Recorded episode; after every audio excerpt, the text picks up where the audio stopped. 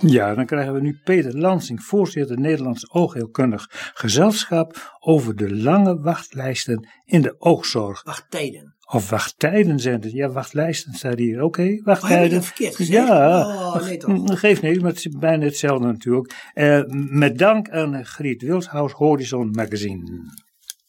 Peter Lansink, eh, als het gaat om wachtlijsten in de zorg, dan is dat eigenlijk een onderwerp dat door de hele zorg heen loopt. Hè? Ja, dat klopt. Nu heb ik begrepen dat bij de oogzorg zijn de wachtlijsten het langst. Klopt dat?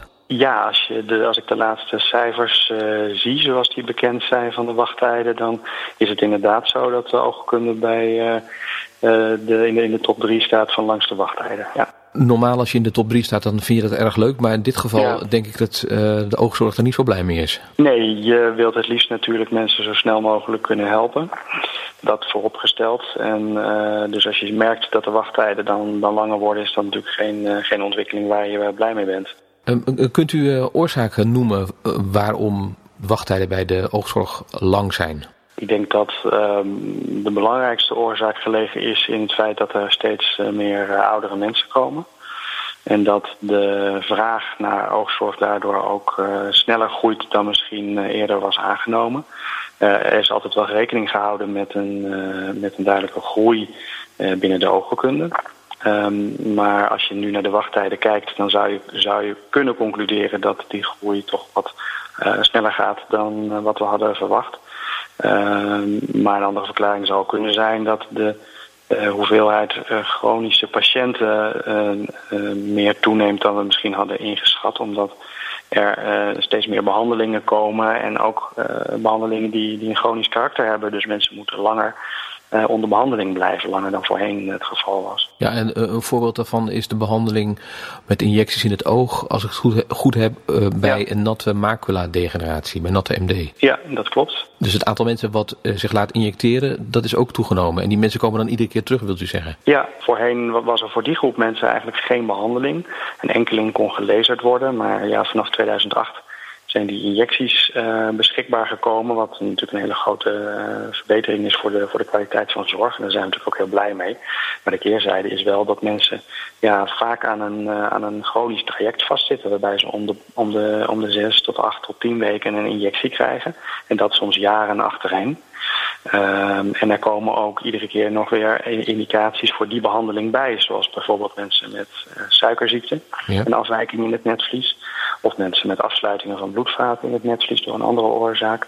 Ook die mensen krijgen die injecties eh, die herhaald eh, moeten worden. Heeft het er ook nog iets mee te maken eh, wat betreft de, misschien een beetje een rare opmerking hoor, maar wonen er door het hele land evenveel ouderen? Of zijn er bijvoorbeeld bepaalde regio's waar, waar meer ouderen wonen en waar bijvoorbeeld dan minder ziekenhuizen zijn en dat, dat bijt elkaar misschien? Dat zou, dat zou goed kunnen. Ik heb die cijfers niet paraat. Ehm, maar er is wel bekend dat bepaalde regio's eh, in Nederland, en dat treft vaak vaker de, de regio's aan, de- aan de rand, die dan wat minder aantrekkelijk zijn voor jongere mensen, en dat daar de vergrijzing wat meer is dan in andere regio's. Ja. En ik denk ook dat dat bij ons in Twente wel een eh, factor is. Ja, het, het is daar ook wel mooi wonen natuurlijk. Dat is het ook zeker, ja. Ja, dus dat, dat, dat trekt dan ook mensen aan natuurlijk. Die misschien na hun pensionering zeggen van... ik ga vanuit het westen.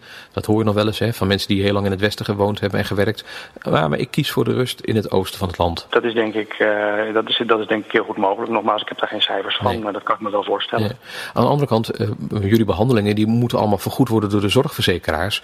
En die hebben daar ook een limiet voor. Hè? Die zeggen ook niet zo van, nou gaat u maar door tot in het oneindige. Nee, dat klopt. Ehm, en ik denk dat dat, eh, dat eh, zeker ook een factor die meespeelt. Want wil je alle zorg kunnen, kunnen bieden, eh, alle zorg kunnen leveren, dan, ja, dan moet daar toch een bepaalde moet daar toch financiering voor zijn. We willen in Nederland de, de, de kosten in de gezondheidszorg eh, in de hand houden. Dat moet ook, dat is ook helemaal waar. Alleen eh, is het de vraag of dat ehm, eh, op alle gebieden, zeg maar, met een bepaald percentage maar mag groeien. Of misschien, moet je, misschien zou je moeten kunnen zeggen dat bepaalde vakken waar duidelijk meer behoefte is aan, aan zorg, dat die dan ook meer, meer kunnen groeien. Ja, dan, dan verschuiven de kosten van het ene eh, medische aspect naar het andere, zeg maar. Ja, ja, precies. En dan zouden de kosten toch gelijk moeten kunnen blijven, of althans ongeveer dan. Hè? Het is natuurlijk een heel lastig punt, die financiering van de zorg. En er komen ook steeds meer op allerlei gebieden allerlei behandelingen bij. Behandelingen die vaak ook weer duurder zijn dan, dan, dan wat we eerder deden. Dus dat ja, dat, dat, uh, dat betekent dat het wel echt onder, onder druk komt te staan. Maar in de oogkunde merken wij dat uh, nog meer vanwege juist die, die, die behandelingen, die, die chronische behandelingen en dus de, de flinke toename van, uh, van de vraag naar zorg, die, die 1% groei ver, ver overstijgt. Want 1% is zeg maar wat we per jaar zouden mogen groeien. En als je ziet wat de hoeveelheid zorg, de zorgvraag is, dan is dat toch wel echt wel meer dan 1% groei per jaar. Het betekent ook dat uw wachtkamer zit altijd vol. Ja, dat klopt. Ja. ja. En, en geeft dat ook voor uzelf een druk om te werken? Dat u denkt van ja, maar ik moet toch wel vandaag, uh, ik moet zoveel mensen hebben weggewerkt. Uh, geeft het een soort ook wat spanning? Het is een, de, de, de kwaliteit van zorg en de tijd die je kunt besteden aan mensen in relatie tot de, de hoeveelheid mensen die je kan zien. Daar zit een bepaald, bepaald maximum in.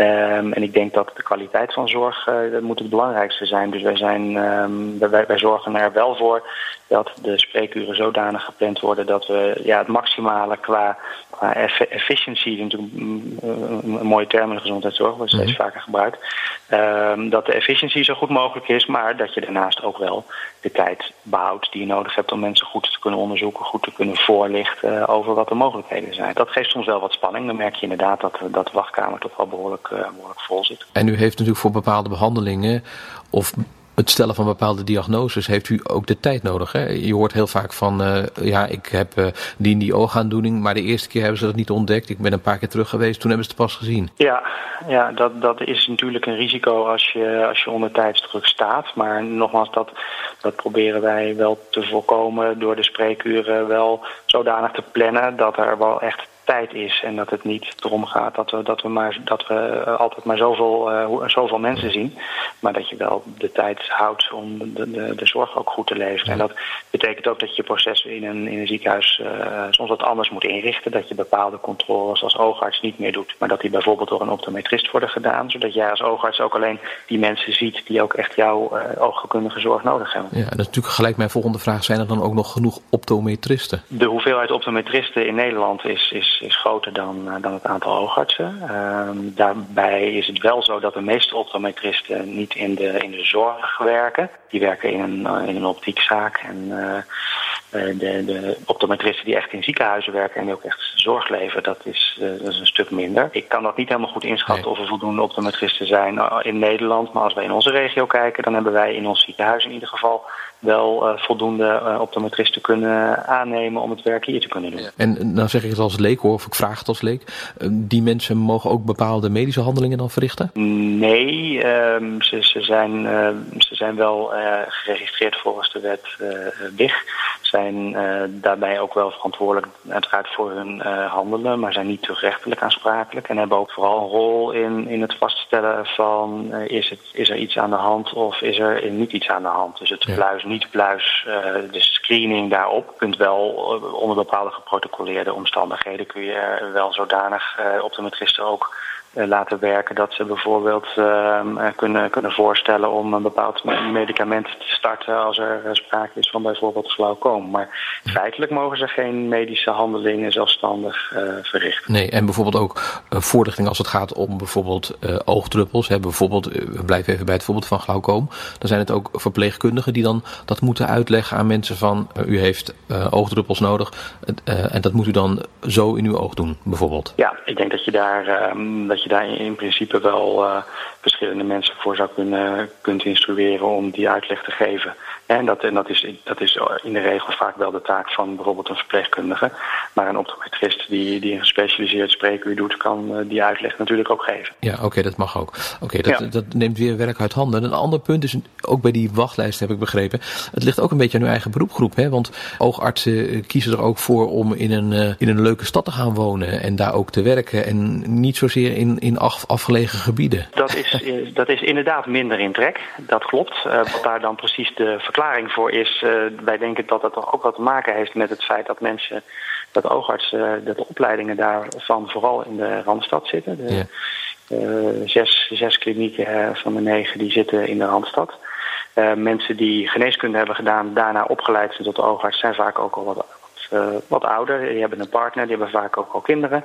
En daardoor sneller ook al gebonden aan een regio waar ze ook opgeleid zijn. En dat maakt de overstap naar bijvoorbeeld Groningen of, uh, of, of, of, Twente, maakt dat uh, soms ook wat lastiger. Want je wil natuurlijk ook dat je partner een baan heeft. Ja. En, ik, ik, denk niet dat het zozeer de echte aantrekkelijkheid van de regio is, maar dat ook dat soort factoren van uh, reeds ergens gezetteld zijn, dat dat wel een belangrijke rol speelt. En het is natuurlijk dan lastig om dat te doorbreken. Ja, we zijn niet in de omstandigheid dat wij als beroepsgroep kunnen zeggen: je gaat verplicht eerst naar, naar die of die regio. Nee, daar is iedereen natuurlijk vrij in om te kiezen. Ja. ja. ja. Um, en is iets stimulerends vanuit de overheid? Vraagteken? Ja, nou, daar, daar wordt nu natuurlijk ook wel door, door minister Schippers naar gekeken om te kijken of je bepaalde regio's uh, meer opleidingsplaatsen zou kunnen geven om daarmee ook wat mensen aan die regio te binden. Ik denk dat dat een van de, een van de mogelijkheden is om, uh, om de aantrekkelijkheid te vergroten. Ja. Ja, ja, want wat er nu allemaal gebeurt, wat u ook verteld heeft, al die maatregelen, dat is een pleister op een wonde. Het is, dat zijn geen uh, definitieve maatregelen. Er moet meer gebeuren. Mm, nou, dat, dat, dat vind ik uh, wat de, de, snelle conclusie. Um, bepaalde processen hebben ook wat tijd nodig om, om, om goed te gaan werken. Ik denk dat we in de, in de taakherschikking zoals we die um, uh, voorstaan, waarbij optometristen zowel binnen als buiten het ziekenhuis bepaalde taken in die oogzorg kunnen doen, dat dat wel een factor kan zijn. Daarnaast zie je ook dat er uh, bijvoorbeeld physician assistants in de oogheelkunde steeds meer komen en ook opgeleid worden om bepaalde taken te doen, zoals het geven van, van injecties of het doen van gespecialiseerde spreekuren. Um, maar ik denk dat we daar heel goed, en, heel goed bovenop moeten zitten om constant te monitoren of dat, of dat voldoende is om wel de, de, de, de toenemende zorgvraag te, uh, het hoofd te kunnen bieden. Maar dat, daar kunt u natuurlijk nog niks over zeggen hoe het over een jaar is, hè? Dat, dat snap ik. Maar u gaat het wel ook zelf in de gaten houden. Jullie gaan het zelf in de gaten houden, denk ik. Ja, dat, uh, dat zeker. Wij, uh, wij zijn als, als, als Nederlands Oogkundig Gezelschap, daar ben ik dan voorzitter van houden we ook die wachttijden uh, goed in de gaten, ook regionaal, om te kijken of daar een, een trend zichtbaar is. En we denken ook uh, heel duidelijk mee in de, in de, in de opleidingscapaciteit. Dat doen we door middel van eigen enquêtes, om te zien wat de geschatte behoefte is aan oogkundige zorg. En dat hebben we dit jaar ook voor het eerst regionaal uitgevraagd om te kijken of daar grote verschillen in, in zitten. Uh, dus dat heeft zeker onze aandacht. Maar ja, het blijft een proces wat natuurlijk jaren nodig heeft. Hè. Als je ja. nu een oogarts, uh, nu, nu tien oogartsen extra opleidt, dan zijn ze pas over 4,5 tot 5 jaar klaar. Ja, ja, ja, en dan moeten ze ook nog ervaring opdoen. Dus dat, zal het nog, dat duurt er nog langer, denk ik, voordat ze echt eindelijk aan de bak kunnen. Nou ja, de wachttijden. Onze laatste informatie is dat de polyklinieken maar blijven dat het maar uh, voortduurt dat die wachttijden steeds langer en langer worden. En men spreekt van, ja, hoe is het over een jaar? En vanwege die lange wachttijden is contact gezocht met de Nederlandse Zorgautoriteit, de NZA, die hierop zeer actief reageren. En als het goed is, er zijn een aantal oogartsen en optometristen al bij elkaar geweest, ook met de zorgverzekeraars, om te bespreken welke maatregelen eventueel genomen moeten worden. Ja, ja want het, dat interview wat we nu hebben uitgezonden, dat, dat is al even geleden. En uh, nou, ja, de wachttijden, wachttijden zijn, zijn dan nog uh, langer geworden.